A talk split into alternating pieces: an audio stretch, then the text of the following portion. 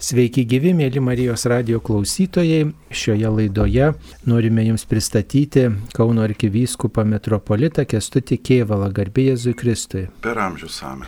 Kalbame su arkivyskupu Kestučiu Kievalu tokia iškelia proga, nes Birželio 24 yra Švento Jono Krikštitojo diena, o Šventasis Jonas Krikštitojas yra Kauno arkiviskupijos globėjas. Taigi sveikinam visus Jonus, nešiojančius Jono Krikštitojo vardą, sveikinam visus tuos, kuriems brangus Jonas Krikštitojas, kurie pritarė sketiniam gyvenimo būdui ir kurie savo gyvenimu, žodžiais ir darbais rodo į viešpati Jėzų. Taigi galbūt reikėtų keletą keletą žodžių tarti, kodėl Jonas Krikštytojas globoja būtent Kauno arkiviskupiją. Gal apie tai galite, mielas ekscelencija, keletą žodžių pasakyti.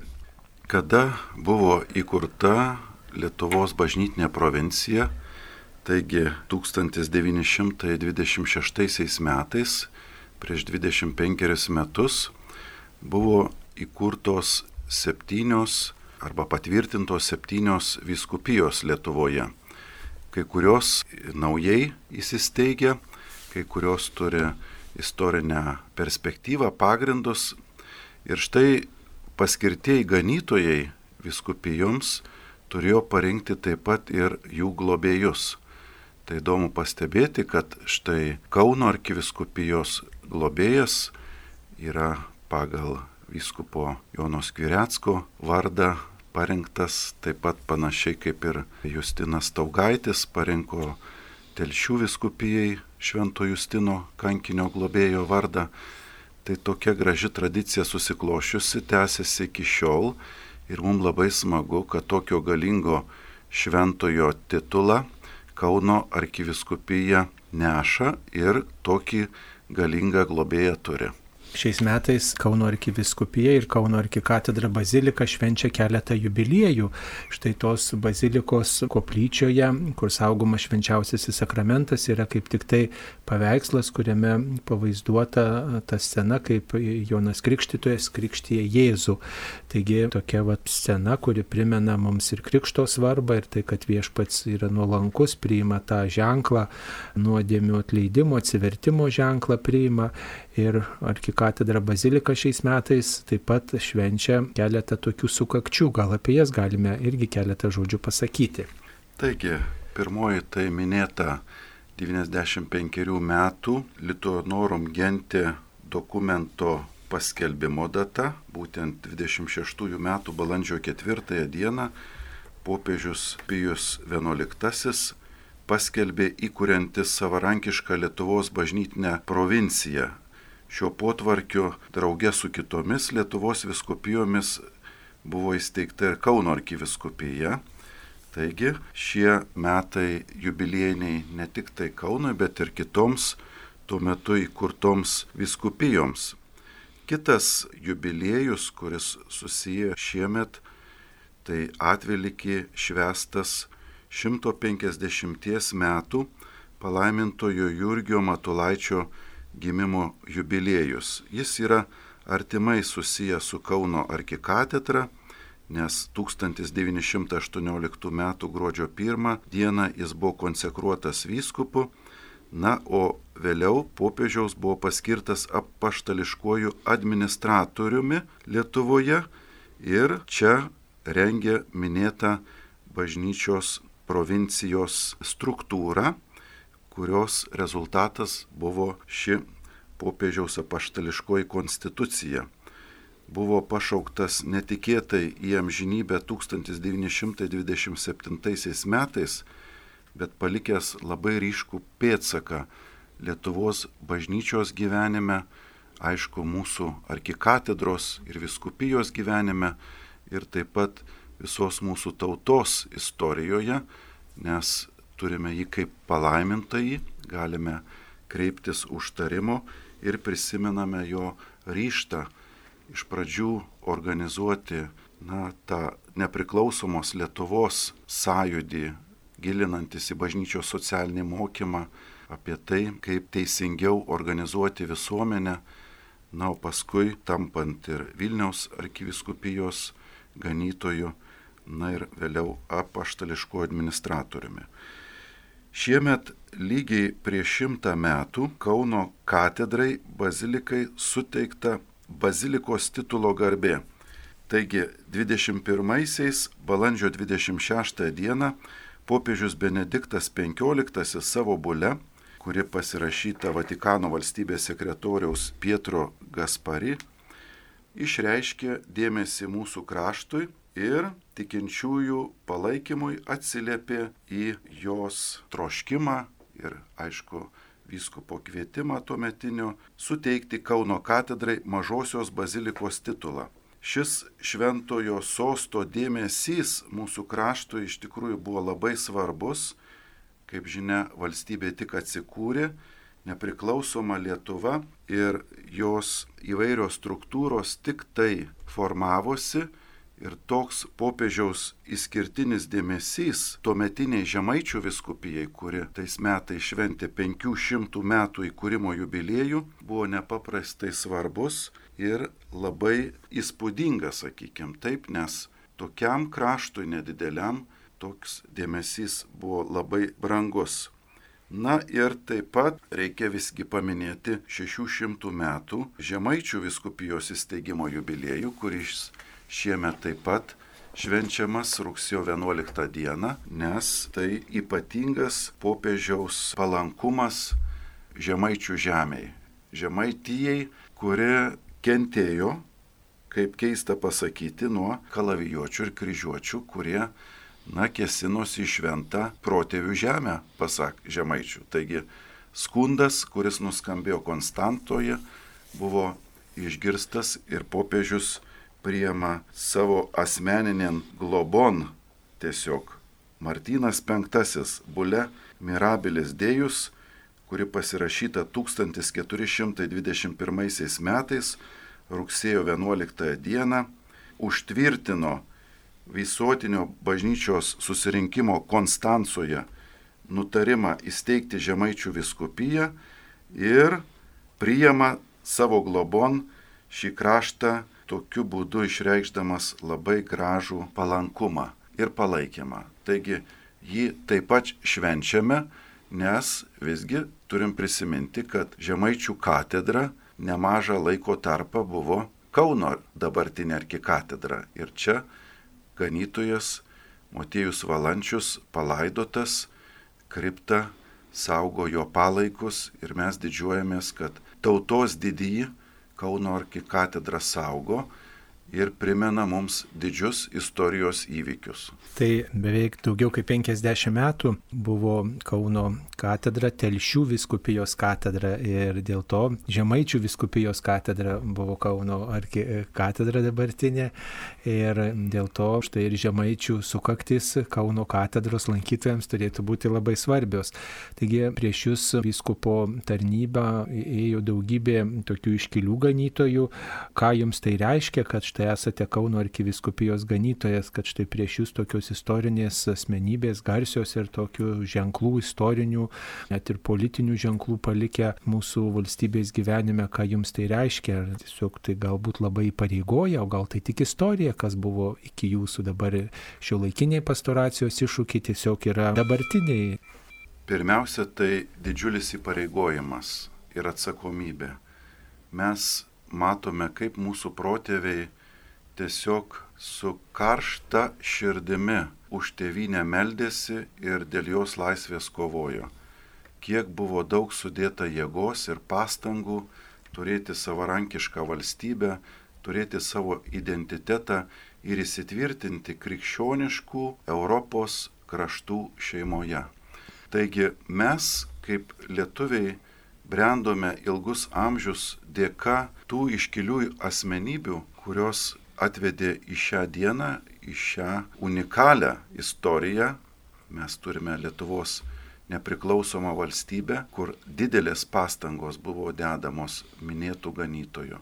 Tai ir Motiejaus Valančio, tai ir palaiminto Jurgio Matulaičio, kuris darbavosi dar prieš Lietuvos nepriklausomybės paskelbimą 18 metais ir daug prisidėjo ne tik prie tos bažnytinės laisvės ir nepriklausomybės nuo kitų tautų, bet ir prie mūsų tėvinės laisvės taip pat Jonas Kvireckas, garsus ganytojai Vincentas Slatkevičius, mūsų eminencija Sigitas Tamkevičius, visi vienu ar kitu būdu paliko nepaprastai stiprų, ryškų ir gražų pėtsaką viskupijos istorijoje. Aišku, visi ganytojai palieka pėtsakus, bet mes paminime tas asmenybės, kurios, na, susijusios su tokiais epochiniais lūžiais, pokyčiais ir taip pat su didelė bažnyčios veiklos įtaka ir visuomeniai, ir, ir visam kraštui. Aišku, prisimename taip pat ir brolius ir seseris, kurie galbūt neįrašytais vardais, bet tačiau labai svarbus veikėjai dėl savo meilės, kuriant tėvynę. Įvairūs tikintys, profesionalūs ir valstybės vadovai, menininkai, kultūros atstovai. Mes esam didelės šeimos ir didelio projekto dalis. Šiandienos iššūkis adekvačiai ir atsakingai priimti mūsų kartu paliktą uždavinį arba iššūkį ir perduoti sekančiai kartai. Tai visą tai priemam kaip ir Dievo malonę, bet ir kaip didelę atsakomybę, kad mums patikėjo Jis šiandienos bažnyčią ir jos reikalus ir tikisi mūsų karšto širdies, kaip ir praeitų kartų ganytojai, praeitų kartų mylintys savo kraštą ir Kristų žmonės. Minėjote apie iššūkius, su, su kuriais susiduria kiekviena karta. Turbūt praeities iššūkiai yra jau istorija, kokie yra dabarties iššūkiai, su kuriais jūs susidurėte štai arkiviskupo tarnystėje, į, į ką reikėtų atsiliepti arkiviskupijoje gyvenantiems žmonėms, o manau, kad ir štai jūsų pasiklausę galbūt ir kitų viskupijų žmonės irgi gal pritaikys kažką ir savo tarnystėse, savo gyvenime, į ką reikėtų atkreipti dėmesį ir kas labiausiai jūs neramina. Na, gyvename tikrai tam tikro lūžio momentu. Matome, kad visuomenėje vyksta ir vertybių, ir tikėjimo pervertinimo arba egzaminavimo laikas. Ir kiekvienas iš mūsų turime vėl perklausti apie savasis vertybės ir mūsų tikėjimo įtaką gyvenimui, nes matome, kad tai, kas buvo labai įprasta anksčiau ir savaime suprantama, šiandien jau yra kvestionuojama, jau yra klausinėjama apie šeimos, santokos prigimti, apie žmogaus gyvybės pradžios liepinį ar, sakytume, žmogaus pabaigos, dalykai, kurie kartais siūlomi modernios kultūros, verčia aukštinkojom nusistovėjusias šimtmečiais, o ir tūkstantmečiais sampratas. Todėl mūsų karta laiko egzaminą, mes turime labai aiškiai tai vardinti, nes nuo mūsų šiandieno sprendimo priklausys ir mūsų krašto likimas, ir mūsų asmeninės istorijos, bet taip pat vaikų ir vaikaičių istorijos, taip pat ir bažnyčios istorija.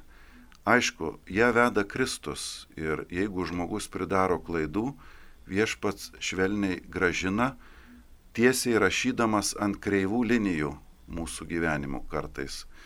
Todėl pasitikim, kad jis mūsų neapleis. Bet kas svarbiausia turbūt šiandien yra stiprinti, tai tą bažnyčioje esantį bendruomeniškumą arba vienybę tarp pačių tikinčiųjų. Nes mūsų susiskaldimas reiškia labai silpną žinę gerosios naujienos, o kartais net ir priešingą rezultatą, kadangi su jais neįmanoma susikalbėti, jie patys tarpusavį nesutarė. Viešpats yra atpažįstamas iš vienybės, iš sutarimo, tai kalba šventasis raštas. Parapijinių bendruomenių stiprinimas, renkant pastoracinės tarybas, kviečiant žmonės aktyviai įsitraukti į jaunimo, šeimų, karitas, katechezės iniciatyvas, na yra tiesiog oras ir vanduo šiandienos parapiniai bendruomeniai. Antras labai svarbus dalykas tai pašaukimų selovada. Šiandien matome, kad jauno širdis šiek tiek yra įsigandę, galbūt įsibaiminę atsiliepti į tokį gyvenimo pašaukimą, kuris anksčiau tarsi lengviau ėjo priimti, žiūrinti skaičius. Aišku, galim sakyti, kad ne visi galbūt ėjo su švaria intencija, Bet vis dėlto tendencija, kurią matom šiandien, neramina, kad galbūt arba trūksta maldos už darbininkus, kad siūstų viešpats į savo pjūtį, arba tikrai trūksta pavyzdžio, karštos ir atsidavusios širdies, arba tikrai ta mūsų kultūra ir aplinka yra tokia gaji, skelbdama priešingą žinę, kad mus išgazdina atsiliepti pašaukimui, kuris skirtas Kristui, bažnyčiai, kuris skirtas savęs dovanojimui. Tai pašaukimų selovada turbūt tampa vienu iš svarbiausių šiandienos bažnyčios tikslų. Ir aišku, šeimų selovada. Šeima, kaip žinia, yra lastelė, kurią sudaro vyras, moteris, vaikai. Ir palaikymas šios bendruomenės turėtų būti mūsų mąstymo, maldos ir veikimo tikslai. Žinome, kad šeima iš tikrųjų yra komanda, kuri turi dirbti kartu, kad išlaikytų meilę. Pradžioje jinai tarsi ateina savaime, uždyka. Nieko nereikia daug daryti, neša įsimylėjimas, neša tas geras jausmas, kurį vadina meilė ir visi už ją esame ir džiaugiamės, kad ją turim. Bet po to ateina namų darbų laikas, kada turime tikrai dėti pastangas, kad palaikyti kai fizinį kūną palaikome įvairiausiais pratimais ir judesiu, taip turime palaikyti ir meilės gyvenimą pratimais, kuris vadinasi pagarba kitam žmogui ir judesiu link Dievo, link bažnyčios, link maldos. Šiandien tikrai matom, kad netgi tos gerosios mūsų šeimos turi iššūkį gyventi sutarime, nes tikrai vėjas kartais pučia priešingas. Tai šitie pagrindiniai akcentai, aš manau, yra šiandienos mūsų visų Lietuvoje tikinčiųjų rūpestis, stiprint parapinę bendruomenę, šeimas ir jaunus žmonės, stiprinti pašaukimo kelyje, pasirenkant geriausią savo gyvenimo versiją. Ar tai santoka, ar kunigiška, ar pašvestai gyvenimą, ar pagaliau veikla, kuri teiktų ir tam žmogui džiaugsmą, ir visuomeniai bei bažnyčiai naudą.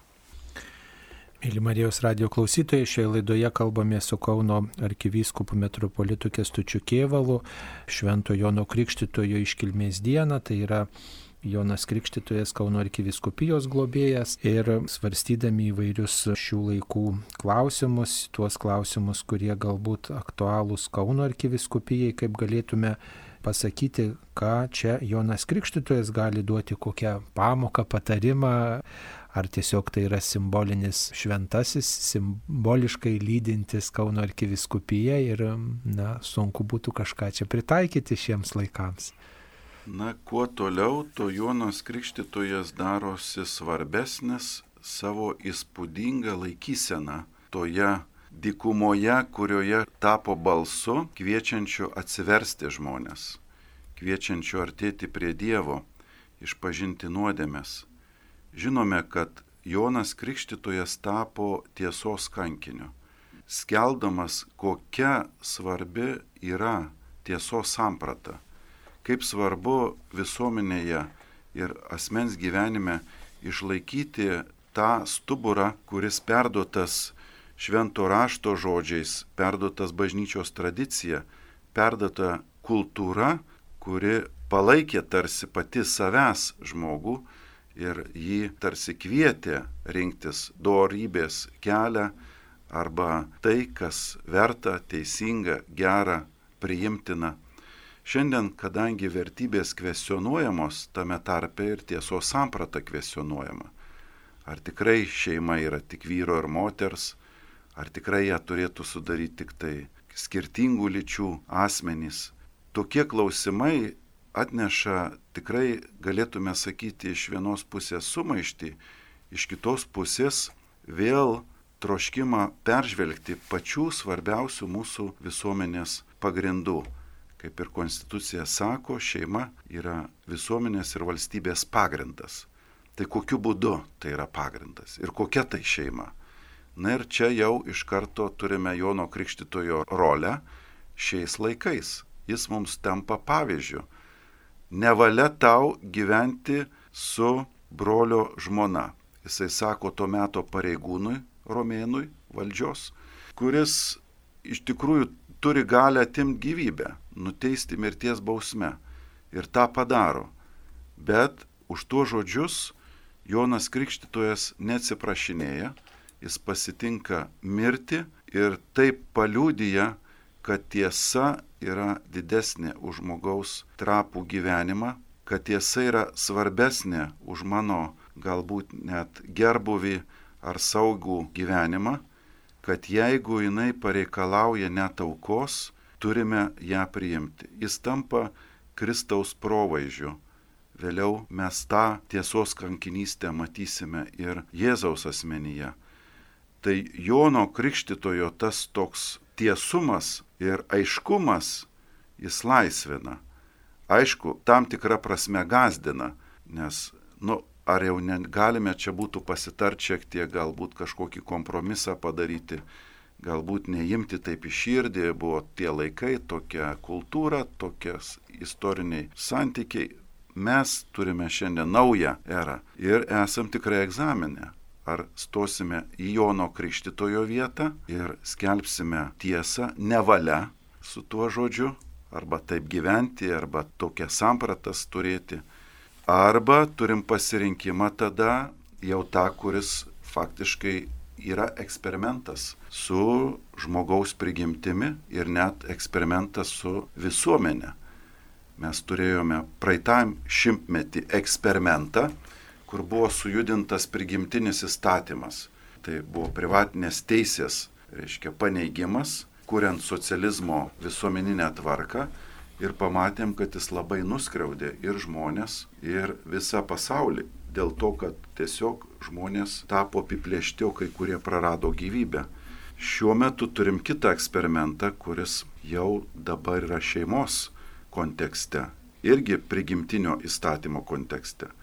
Kuo viskas baigsis, parodys, ar mumyse yra Jono Krikštitojo dvasia. Jeigu taip, viskas baigsis gerai bet žmonės turbūt linkia ieškoti kompromisų, eiti į dialogą ir tai atrodo dabar madingas, dažnai kartojamas žodis - tolerancija, dialogas, pagarba, tegul būna ir kitaip mąstantis, tegul ir kiti, kitaip svarstantis turi galimybę būti, tiesiog gyvenkim taip, kaip galime, pagal savo įsitikinimus, ieškokim tokio sutarimo, vietos užteks visiems ir štai va tokie požiūriai turbūt turi žmonių širdyse tam tikrą dirbą lengva ir žmonės lengvai išsižada turbūt net ir savo įsitikinimų ir tų krikščioniškų principų, požiūrio kad galima galbūt visaip, kad tiesų yra labai daug.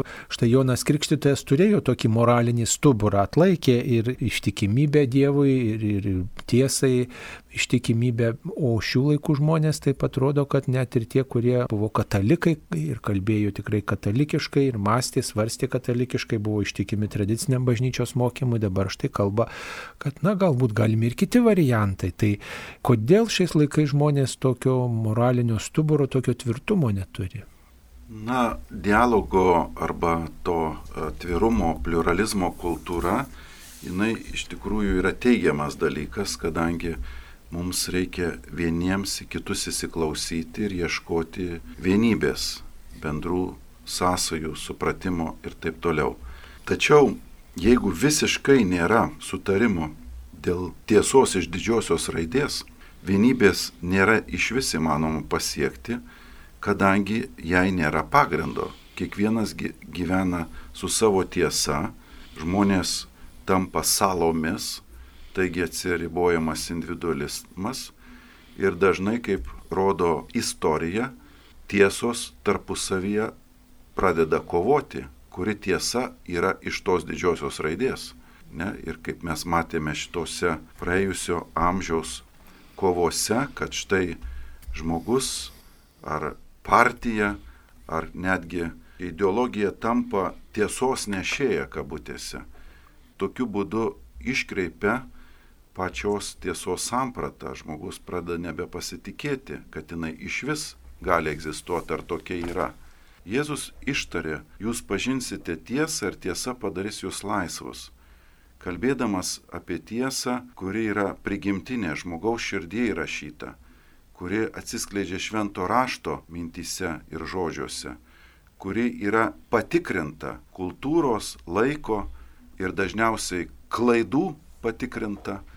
Ir šiandien, na, turime eksperimentą, kur tarsi ir tiesos, ir vienokios, ir kitokios gali nebūti pretenduojančios į tą tiesos iš didžiosios raidės sampratą ir visi gyventi vienybėje ir sutarime. Deja, tai naivus požiūris. Taip nebūna, rodo istorija.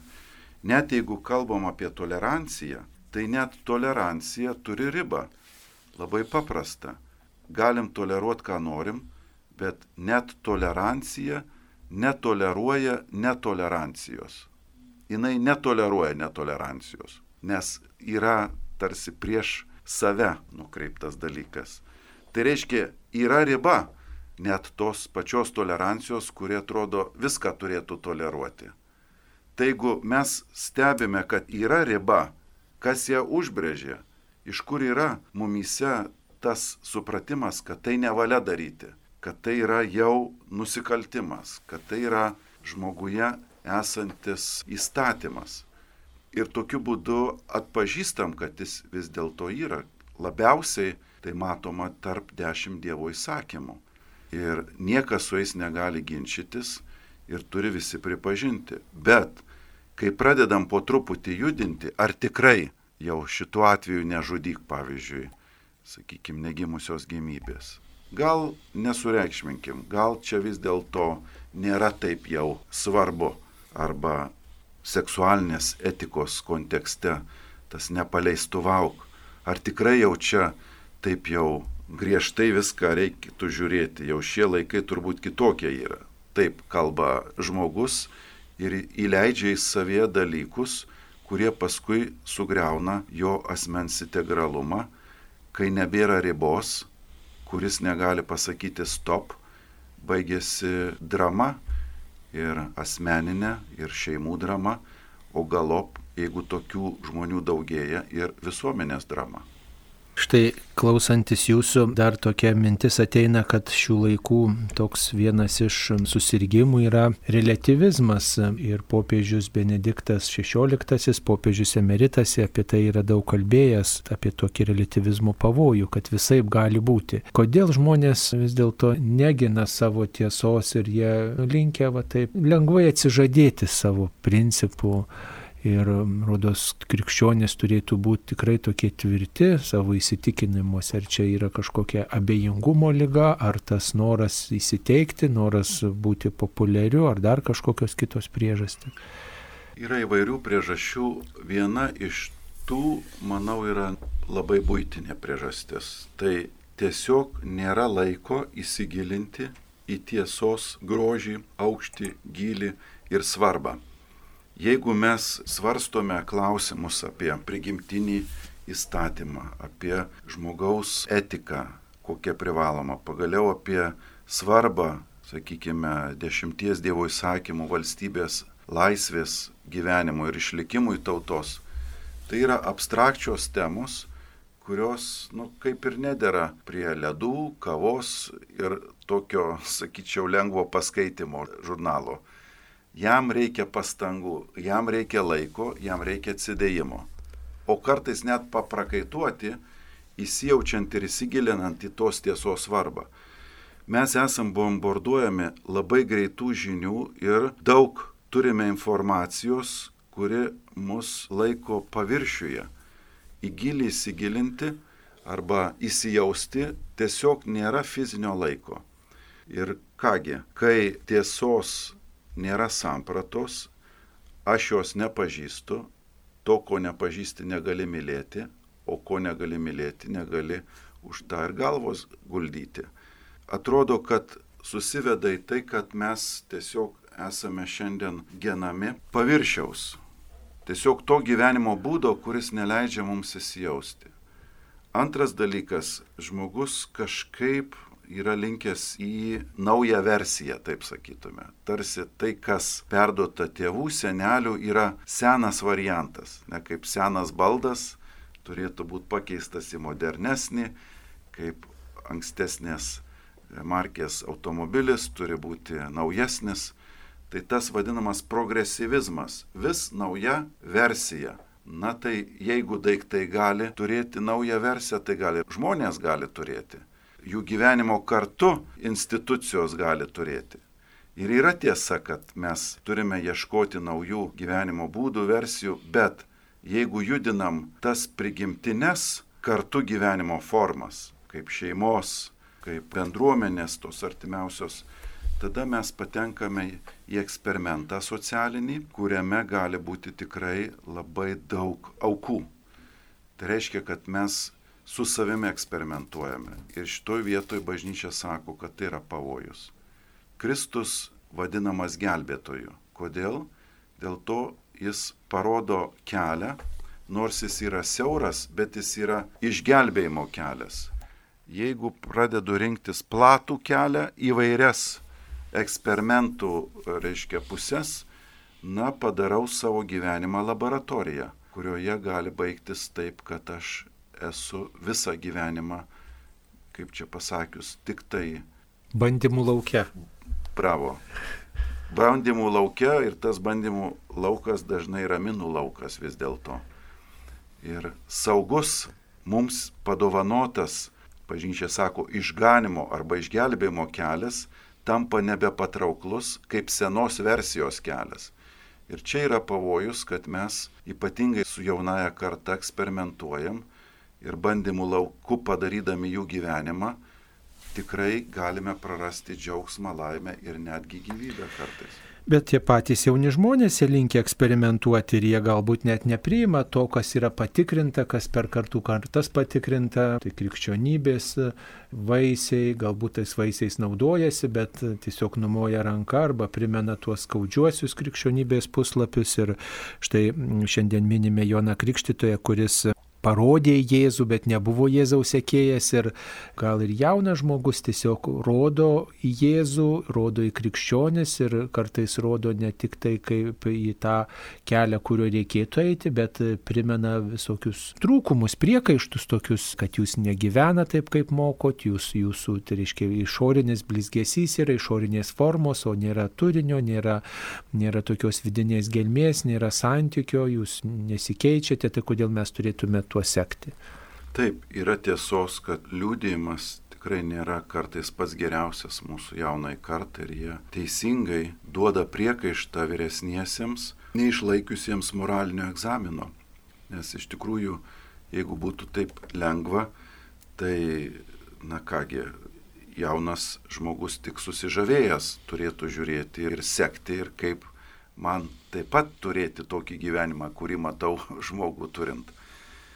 Tai aišku, kad mes kartais patys pastumėm jaunus žmonės eksperimentuoti, ieškoti kitų būdų, nes jie mato iš mūsų gyvenimo, kad esam nelaimingi, o kartais kaip sudužę asočiai. Taigi jų perdavimas geriausios versijos, kuri žmonijoje yra pabandyta, kuri jau turi atramą patirtyje, ką geriausia dėl to galima padaryti dėl jauno žmogaus, tai perduoti tikėjimą, kuris yra gale audringo jūroje įsilaikyti ant vandens paviršiaus, nenuskesti. Tai geriausias dalykas, ką galim perduoti, tai tikėjimą dovana ir tada įkvėpti širdis, ieškoti, pažinti, suprasti, įsimylėti kurėją. Čia ką geriausia galėtume padaryti jauniems žmonėms mes matome, kad jauni žmonės yra nepaprastai galinga visuomenė jėga. Ir proto prasme, kadangi tai yra jaunas protas, guvus, aktyvus ir taip pat jėgos, sveikata, žydėjimas jaunystės. Vat kaip tik šiomis dienomis prisiminame įvykusi 1941 metais, birželio 22-23 dienomis sukilimą prieš okupaciją Lietuvos įvykusią apimė visą Lietuvą.